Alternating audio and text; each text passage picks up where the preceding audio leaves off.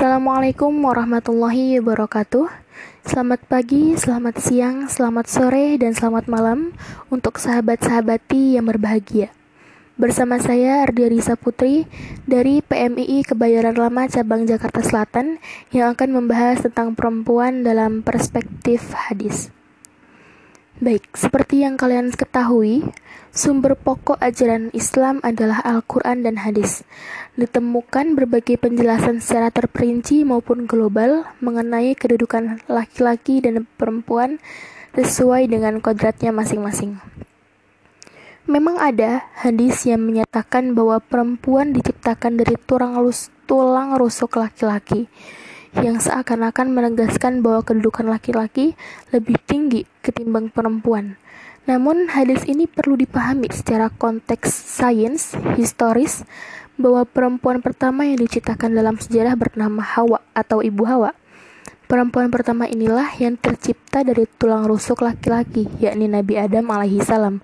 Kemudian, perempuan kedua, ketiga, atau perempuan-perempuan selanjutnya, sama halnya dengan laki-laki, tercipta dari sepasang uh, keluarga atau sepasang laki-laki dan perempuan yang kemudian sama-sama lahir dari seorang ibu dan mereka memiliki kedudukan sama dengan kaum laki-laki.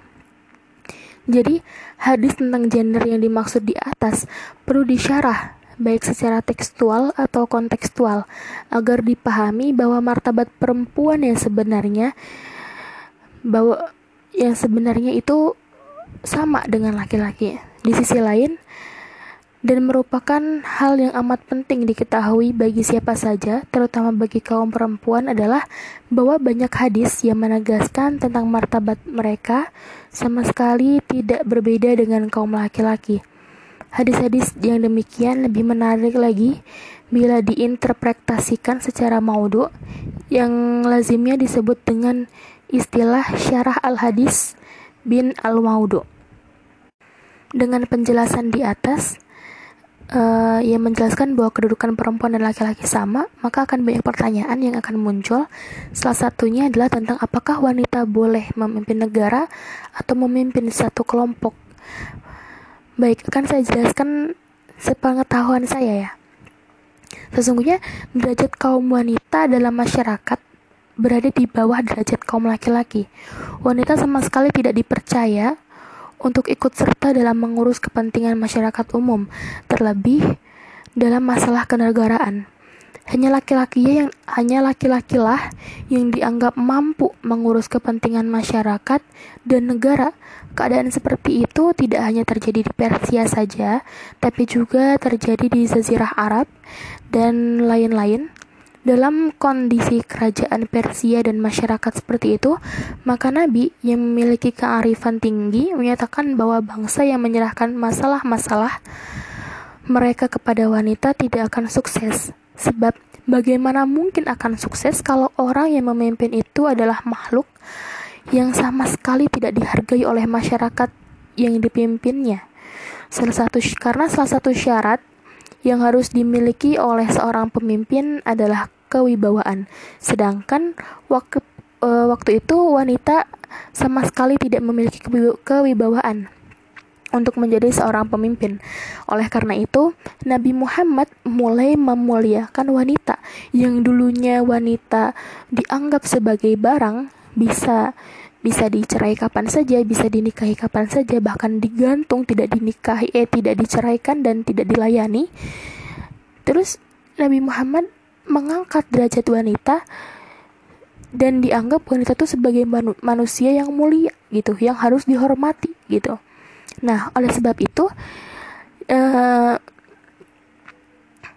jika wanita ini mem mempunyai kewibawaan dan mampu untuk memimpin serta masyarakat bersedia menerima sebagai pemimpin, maka tidak ada salahnya kalau wanita dipilih dan diangkat sebagai pemimpin.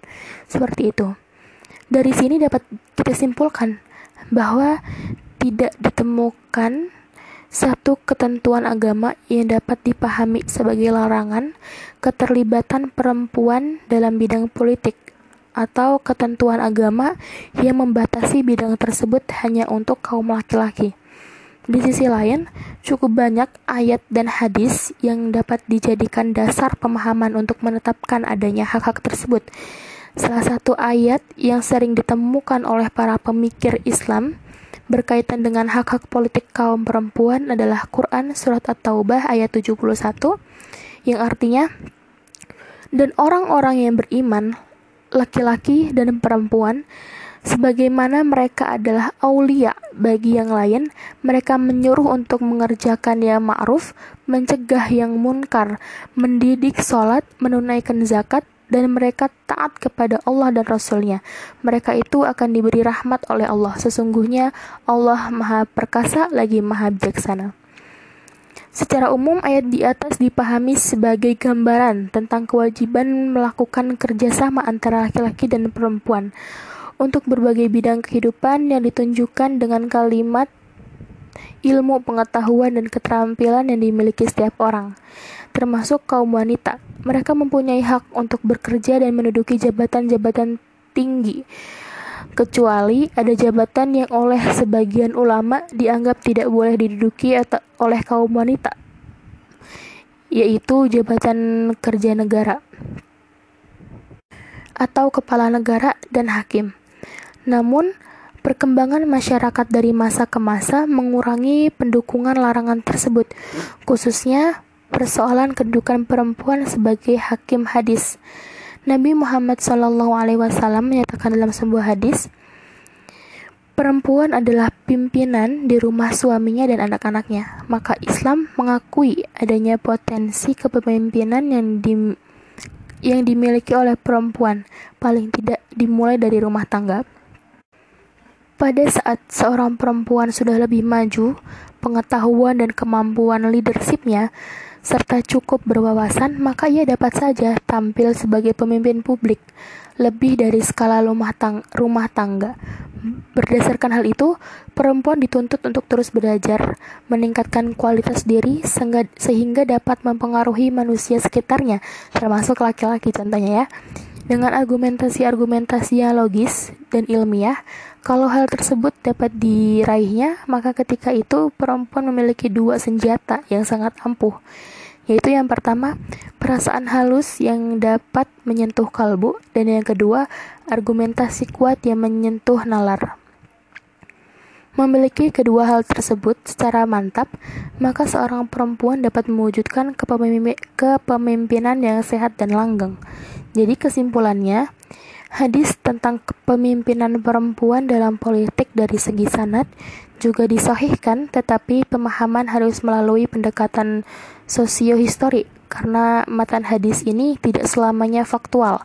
Hadis ini disampaikan sebagai respon terhadap berita pengangkatan Putri Kisra, seorang perempuan yang secara sosial tidak mendapatkan legitimasi dari masyarakat sehingga dapat dikatakan hadis ini hanya berlaku lokal dan temporal, tidak bersifat universal. Jadi hanya sebagian negara saja yang e, memperbolehkan wanita memimpin, tapi negara-negara lain belum tentu seperti itu. Dengan demikian, kepemimpinan dalam politik dapat di emban atau dapat dipegang ya oleh siapa saja, laki-laki atau perempuan sepanjang ia mampu dan mendapatkan legitimasi dari masyarakat. Mungkin sekian penjelasan dari saya. Wassalamualaikum warahmatullahi wabarakatuh.